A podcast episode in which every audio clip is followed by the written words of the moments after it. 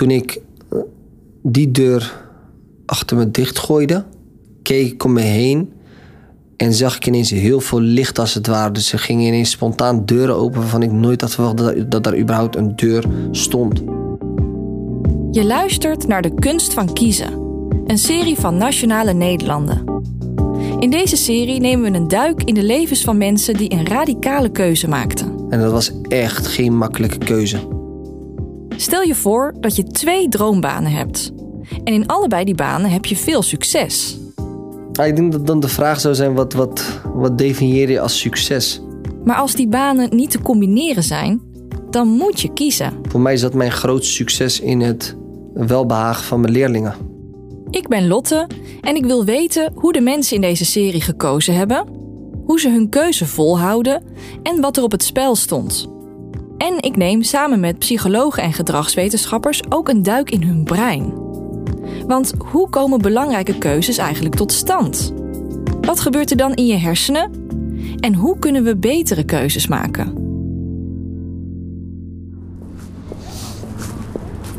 Ik ben op weg naar de VMBO-school waar Ismaël werkt. Beroepsonderwijs, VMBO, basiskader. Ja, daar moet ik zijn.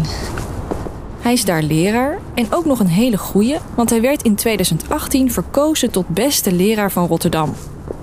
Maar om dat te kunnen worden, heeft hij wel iets moeten opgeven. Hi, Israël. Ik kom voor jou. Moet ik even ergens wachten? Jij mag, mag hier even kom ik eruit. Hij moet nog even wat leerlingen helpen en daarna lopen we samen naar zijn kantoortje, boven in het gebouw.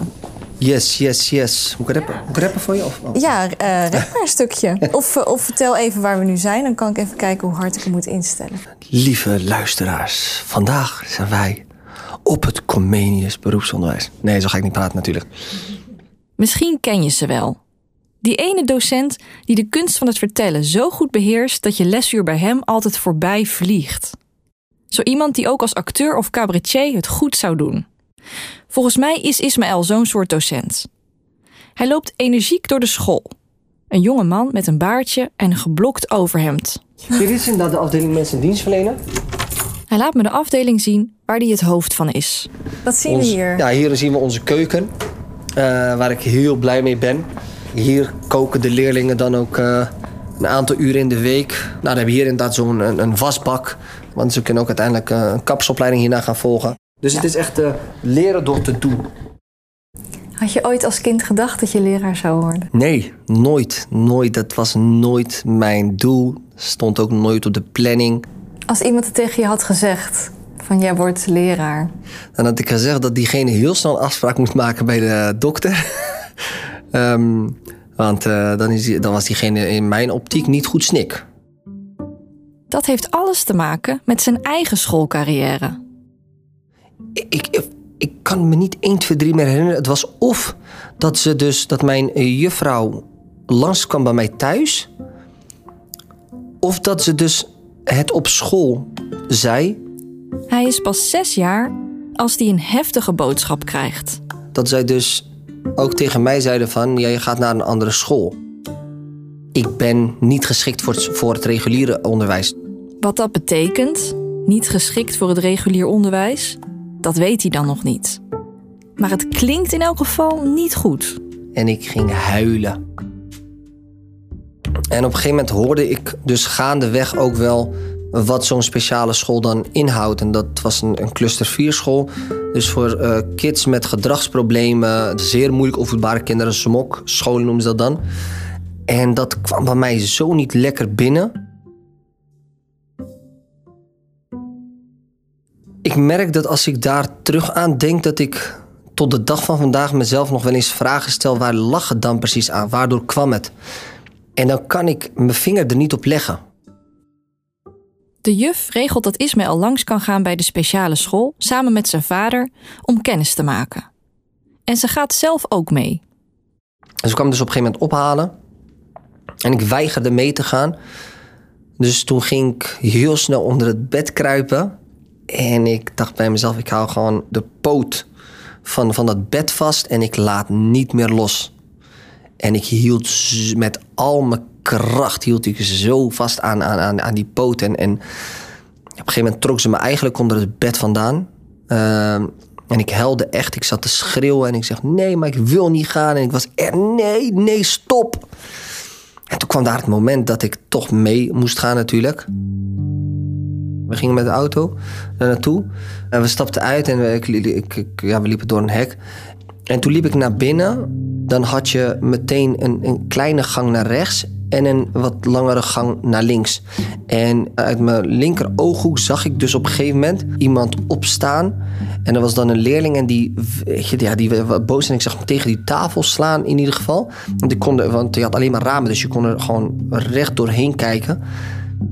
En in een fractie van seconde, want het ging best wel snel, zag ik dus dat die docent daar naartoe liep. Eigenlijk die leerling fixeerde door zijn arm te pakken en dus op zijn rug te zetten. Wat politieagenten over het algemeen doen bij boeven of mensen die dus uh, niet mee willen werken. En ik zag dat en ik dacht: wow, wat gebeurt hier nou? Dit is toch niet normaal?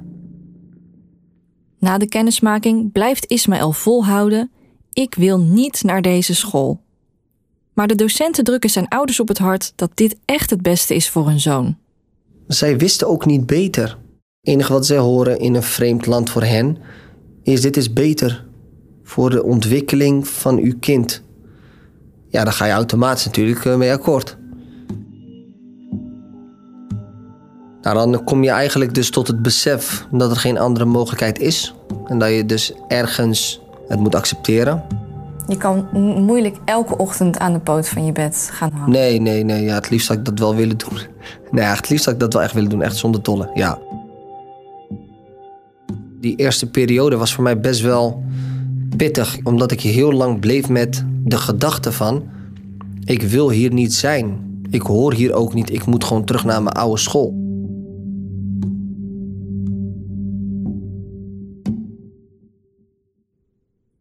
De speciale school haalt hem elke dag thuis op met een taxi. Dan word je opgehaald en dan loop je naar beneden. En als je dan naar beneden loopt, dan zie je op een gegeven moment al die andere, uh, ook je oude klasgenoten op dat moment, die zie je dan gewoon naar school lopen natuurlijk. Uh, en die zien jou. Dus dat neem je dan ook wel weer mee naar de momenten dat je samen op het pleintje aan het voetballen bent. Heb je gezien, Ismael zit echt op een mogolenschool. Ismael zit echt op een debiele school. Je zit op een handicapschool. Dat soort uitspraken. Dat heeft toch onbewust als kind wel ook impact op je. Um, Ging je ooit twijfelen aan jezelf? Ja. Ja, ik heb gaandeweg heb ik natuurlijk wel twijfels gehad over... ben ik goed genoeg? Hebben ze misschien wel gewoon gelijk? Gelukkig is er ook iemand die wel in hem gelooft. Mijn juffrouw die zei tegen mij... Ismael, als je je best blijft doen en je blijft je goed gedragen, dan kun je uiteindelijk naar een regulier voortgezet onderwijs. Doe je dat niet, dan ga je naar het voortgezet speciaal onderwijs. Dus de vraag aan jou is: wat ga je doen eigenlijk? Toen ze dat tegen mij zei, ja, ontstond er wel iets in mijn brein. Toen ben ik me ook misschien zelfs extra goed gaan gedragen, omdat ik dacht: ik ga dat echt niet op het spel zetten. Ik ga het echt niet verprutsen voor mezelf. Ik, nee, ik kan me niet voorstellen dat ik nog op voortgezet speciaal onderwijs ga zitten. Echt niet.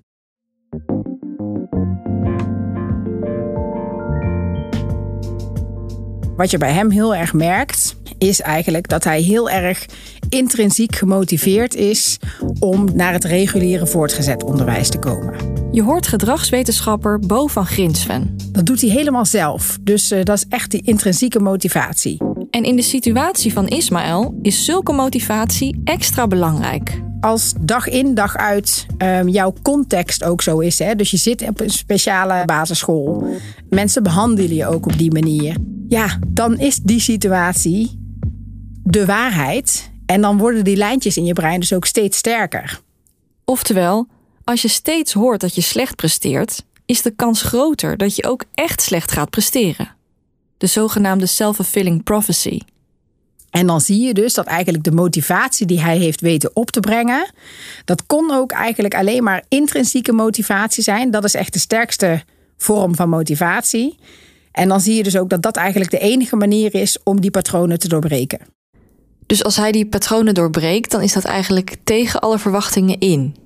Ja, tegen, tegen de verwachtingen van de theorie in, inderdaad. En nou is een theorie ook maar een theorie. Hè? Dus uh, die wordt wetenschappelijk getoetst en onderzocht. En dan zijn er nog allerlei zaken die ook nog uh, daarop van invloed kan zijn. Maar als je heel, heel nou ja, sec naar de theorie kijkt dan was het logischer geweest als Ismaël had gedacht van nou, ik hoor in dat speciale basisonderwijs en dan is het dus ook logisch dat ik doorga naar het speciale uh, voortgezet onderwijs. Als Ismaël in groep 8 zit, krijgt hij van zijn juf goed nieuws. Hij mag naar een gewone middelbare school. Echt waar, mevrouw? Yes, ik ben echt blij. Hij gaat daar VMBO basis doen. Dat zei ik ook echt, hè. Mevrouw, ik ga naar een normale school. Ik ga eindelijk naar een normale school. Op die normale school zit hij helemaal op zijn plek. En vanaf dat moment blijft hij maar klimmen en klimmen. Hij gaat MBO niveau 2 doen, daarna niveau 3 en hij mag al snel switchen naar niveau 4, want dat kan hij makkelijk aan. En op het MBO krijgt hij voor het eerst dramales. Ik vond het zo leuk. Ja? Ja, ik vond het echt leuk, omdat ik dacht van zo, dit is wel heel vet. Ja, gewoon die, die oefeningen die je dan krijgt, improvisatie. Het haalde iets in, in mij naar boven wat, wat, wat ik niet eerder had gezien. Ik werd ineens de presentator, de comedian en, en, en de theaterspeler. En ik vond het zo leuk. Ik dacht, wow, oké, okay, uh, maakt niet uit wat ik speel. Mensen kunnen gewoon lachen om mij, dus uh, hier wil ik wat, wel wat mee doen. Een klasgenoot van mij, die zei op een gegeven moment... Hey Ismael, ze zijn bezig met een uh, kleine theaterproductie... en jij zou daar fantastisch bij passen. Zei ik, ja, is goed. Dus toen nam ik uiteindelijk ook een andere klasgenoot van mee. Ging met z'n twee daar naartoe. Ja, was alle, allerlei mensen die elkaar niet per se kenden. Maar we kregen al heel snel wel een band. En daar ontmoette ik toen ook een aantal jongens die ook dezelfde doelen en dromen hadden als ik. Alle theaterzalen langs en gewoon Nederland plat spelen met onze fantastische theaterkunsten. Ik probeer me voor te stellen hoe dit moet zijn geweest voor hem. Na een jeugd op een school waar hij zich altijd anders voelde, draait hij nu weer volop mee met de gewone wereld, zoals hij dat zag. Hij is eindelijk onder gelijkgestemden. En zoals die opbloeit van het toneelspelen, dat is daar misschien wel de ultieme uiting van. Hij vindt het zo leuk dat hij ermee verder wil. En dan ziet hij een oproep om zich aan te melden voor het Leids Cabaret Festival. Ik dacht, nou weet je wat, ik ga gewoon doen. Best wel spannend. En je moet van tevoren dan een video opsturen. Dus ik pak mijn telefoon. Ik denk, nou weet je wat? Bepaalde dingen ben ik gewoon zat in het leven. Dus ik zet, plaats mijn telefoon op, op zo'n standaard en ik praat gewoon over dingen die ik zat ben. Ik stuur dat filmpje op en ik word uitgenodigd. En je wordt natuurlijk niet zomaar uitgenodigd, dus ik denk, oké, top. Hij moet naar een klein café in Leiden komen om auditie te doen. Dus ik sta daar.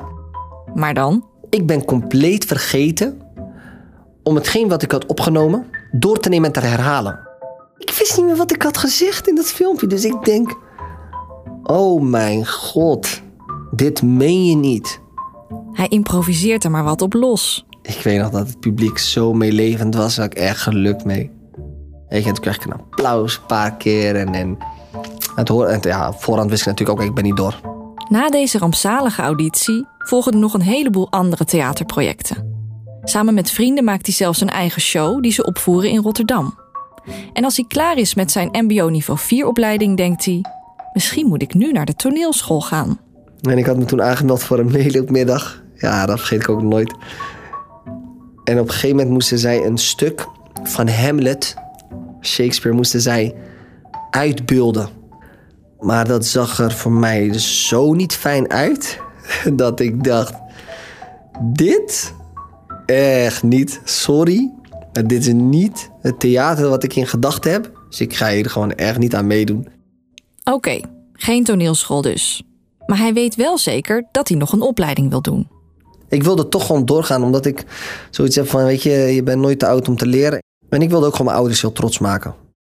Ik wilde gewoon uh, laten zien dat. Uh, dat ongeacht waar ik dan weet je, ooit, ooit ben begonnen, dat ik toch gewoon uh, uiteindelijk uh, heel veel moois kan bereiken. En toen twijfelde ik heel erg. Wat ga ik doen? Wat ga ik doen? Ergens op het MBO zei een, een, een, een, tweetal, drietal docenten tegen mij: hey, Ismael, misschien moet je docent worden. Maar goed, uh, weet je, soms, soms zeggen mensen dingen en dat heeft kennelijk ergens eh, invloed op je, maar dat blijft nog wel echt hangen, maar niet per se dat je echt over gaat nadenken. Hij had er ook nooit meer aan gedacht, maar nu ineens besluit hij om zich in te schrijven. Uh, maar dat was ook een hele rare stap om te maken. Misschien had ik me ook uh, onvoldoende georiënteerd op andere opleidingen. Dat zou best kunnen. Het was een beetje random, maar het was vooral dat je dacht: ik wil gewoon doorstuderen. Ja. Ondertussen krijgt hij voor het eerst echt succes in het theater.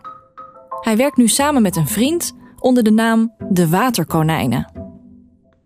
Een hele ja, goede, succesvolle show in Theater Zuidplein. Met z'n tweeën. Let's go, we gaan het doen. Uh, toen zei ik tegen hem, laten we meedoen met het Kameretfestival. Festival. Want als we meer mensen willen bereiken... dan moeten we uiteindelijk via die, het via die wegen doen. Gewoon doen, let's go. En tot hun eigen schrik halen de waterkonijnen de finale. Ja, dan sta je ineens in... Uh, volgens mij Nieuwe Luxor. Nee, ja, Nieuwe Luxor sta je ineens. 1500 man. Ze winnen niet, maar mogen wel op tournee door heel Nederland. We zijn uh, Friesland geweest, Groningen, zo noemen ze maar op joh, Heerlen. Ik ben echt overal geweest. En ik wist natuurlijk wel, weet je, dit is een. Uh, dit gebeurt niet snel dat mensen gewoon, ja, dat je de finale haalt en dat je dan toert. En we hadden ook natuurlijk uh, op een gegeven moment een uh, management.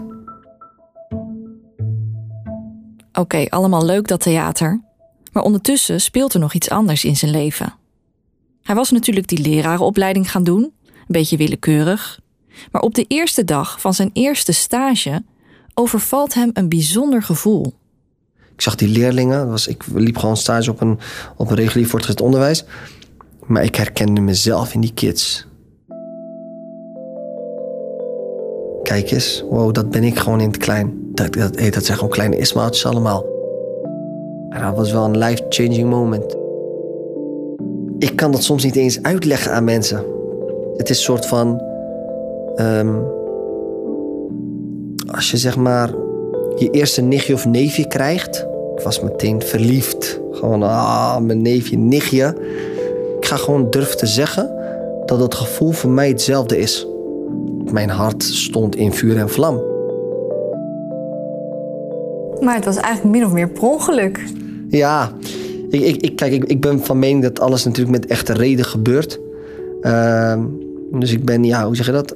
Achteraf gezien denk ik, ja, weet je, het had echt zo moeten gebeuren. Dat is een goddelijke interventie geweest. Ja, ja en daar ben ik, ben ik tot de dag van vandaag zo dankbaar voor. Hij doet het zo goed op zijn stageschool dat ze hem meteen een baan aanbieden. En terwijl hij overdag werkt en studeert, speelt hij s'avonds in het theater. Op een gegeven moment had je twee, drie, soms zelfs vier shows in een week. Dan moesten we vroegtijdig vertrekken. Dus zodra ik klaar was met werk, moest ik gelijk door. Je, je leerlingen die tegen je zeggen: Meneer, ik heb u nodig. Oh, sorry, nee, ik moet gelijk weggaan. Als ik dus naar de voorstelling toe reed, ik met zo'n naar en vervelend en bezwaard gevoel. En ja, op het podium ben je natuurlijk een professional. Um, maar zodra ik dan weer klaar was en ik ging naar huis, vooral die rit alleen, zat ik dan weer met. Oh mijn god, weet je, en dan, dan zat je daar echt mee. Oké, okay, nee, Ismael, niet zo denken. Nee, gewoon doorgaan. Doorgaan. Nee, dit lukt. Nee, maakt niet uit. Niet negatief denken. Ja, maar ik wil dit niet meer. Ik wil dit niet meer. En dat gevoel kon ik niet meer, uh, niet meer handelen. Hij vraagt advies aan zijn moeder. Zij zegt: Je doet zoveel moois voor die kinderen. Ga daar gewoon voor. Ja, dat, dat hakte er bij mij ook wel in, weet je. Toch de vrouw uh, ja, van mijn leven, zeg ik altijd. Toen dacht ik... Ja, Weet je, hoe leuk ik het ook vond en hoeveel mooie momenten ik ook heb ervaren en beleefd. Dat, dat stemmetje in mij van, hey, stop ermee. En dat was echt geen makkelijke keuze. Vooral omdat hij weet dat het voor weinig mensen is weggelegd om succes te hebben in het theater. Wat definieer je als succes? Voor mij is dat mijn grootste succes in het welbehagen van mijn leerlingen. En in en in hen de juiste tools meegeven voor het slagen in de maatschappij. Bij het maken van de keuze is er één techniek die hem erg helpt. Ja, kijk, ik, ik, ik ben natuurlijk zelf ook religieus. Uh, bij mij was het mediteren wel zeker ook een hele belangrijke tool die ik uh, inzette om, om, om ook wel tot dit besluit te komen. Ja, zeker. Dus, dus neem even je moment, trek je terug. Wat je eigenlijk doet met bijvoorbeeld meditatie of echt heel bewust ontspannen, is dat je je brein rust probeert te geven. Dat brein is heel de dag in de weer om allemaal informatie te verwerken. En dan vervolgens bewust, dan wel onbewust, vooral onbewust, de afweging te maken. Dit is wel belangrijk voor mij, dit is niet belangrijk voor mij. En op het moment dat je brein rust krijgt, kan je daarna eigenlijk weer rationeel voor's en tegens afwegen en dan de beslissing nemen waarvan jij denkt dat die het meest passend is. Als hij de knoop heeft doorgehakt, krijgt hij van zijn omgeving alleen maar begrip en steun. En vooral van zijn leerlingen. Ik kan me nog herinneren dat leerlingen toen ik tegen me zeiden... meneer, we weten dat u het echt leuk vond... maar we zijn echt blij dat u deze keuze heeft gemaakt. Want we maakten ons best wel zorgen om u. U zag er heel moe uit. U werd steeds... leek, leek het ongelukkiger en ongeduldiger. Toen ik die deur achter me dicht gooide, keek ik om me heen en zag ik ineens heel veel licht als het ware. Dus er gingen ineens spontaan deuren open waarvan ik nooit had verwacht dat, dat er überhaupt een deur stond.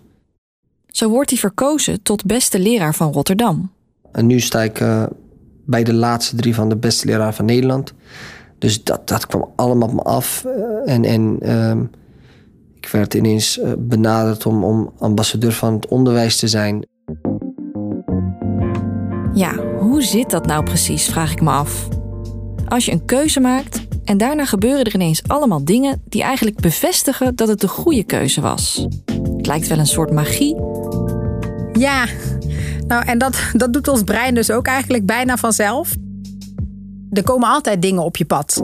En op het moment dat je een keuze maakt waarvan jij denkt: dit is het, dan ga je eigenlijk die dingen die daarna komen rationeel toeschrijven aan de keuze die jij hebt gemaakt. En dat is heel menselijk dat we dat doen. Als hij geen leraar zou zijn geweest, dan had hij niks geweten van een, überhaupt een verkiezing leraar van het jaar. En was hij misschien wel theatertalent van het jaar geworden als hij dat andere pad had gekozen. Het klinkt wel een beetje onromantisch zo. Maar kan ik het misschien ook zien als een geruststelling juist? Van als je een moeilijke keuze moet maken, dan mag je er eigenlijk op vertrouwen dat wat je ook kiest, dat het altijd een goede keuze is, omdat je brein een soort trucje met je uithaalt, waardoor je uh, uiteindelijk altijd wordt bevestigd in die keuze. Ja. Dat is eigenlijk best wel fijn, toch? Het is het, um, ja. En het is altijd fijner om een keuze te maken en daarna eventueel nog te leren of aan te passen, dan maar geen keuze maken. Want op het moment dat je geen keuze maakt, dan blijft dat in je hoofd aanwezig. En dat herkennen we denk ik allemaal. Hè? Dat is een soort van onrust um, die voortkomt uit dat je brein maar moet blijven werken aan de beslissing die genomen moet worden. Maar ja, iedereen maakt ook wel eens een verkeerde keuze, hè? dus zo is het ook wel weer. Maar dan nog steeds is een verkeerde keuze maken altijd nog beter dan geen keuze maken. En dan kan je dat wat je leert ook weer meenemen in de volgende keuze die je neemt. Je hoorde het verhaal van Ismaël. Heb je genoten van dit verhaal? Abonneer je dan op De Kunst van Kiezen via je favoriete podcast-app. De Kunst van Kiezen wordt gemaakt door mij, Lotte van Galen, voor Nationale Nederlanden. Omdat Nationale Nederlanden wil inspireren om de keuzes te maken die jouw dromen laten uitkomen. Wil je meer van dit soort verhalen lezen? Of wil je weten hoe Nationale Nederlanden jou kan helpen met grote keuzemomenten? Kijk dan even op nn.nl/slash de kunst van kiezen.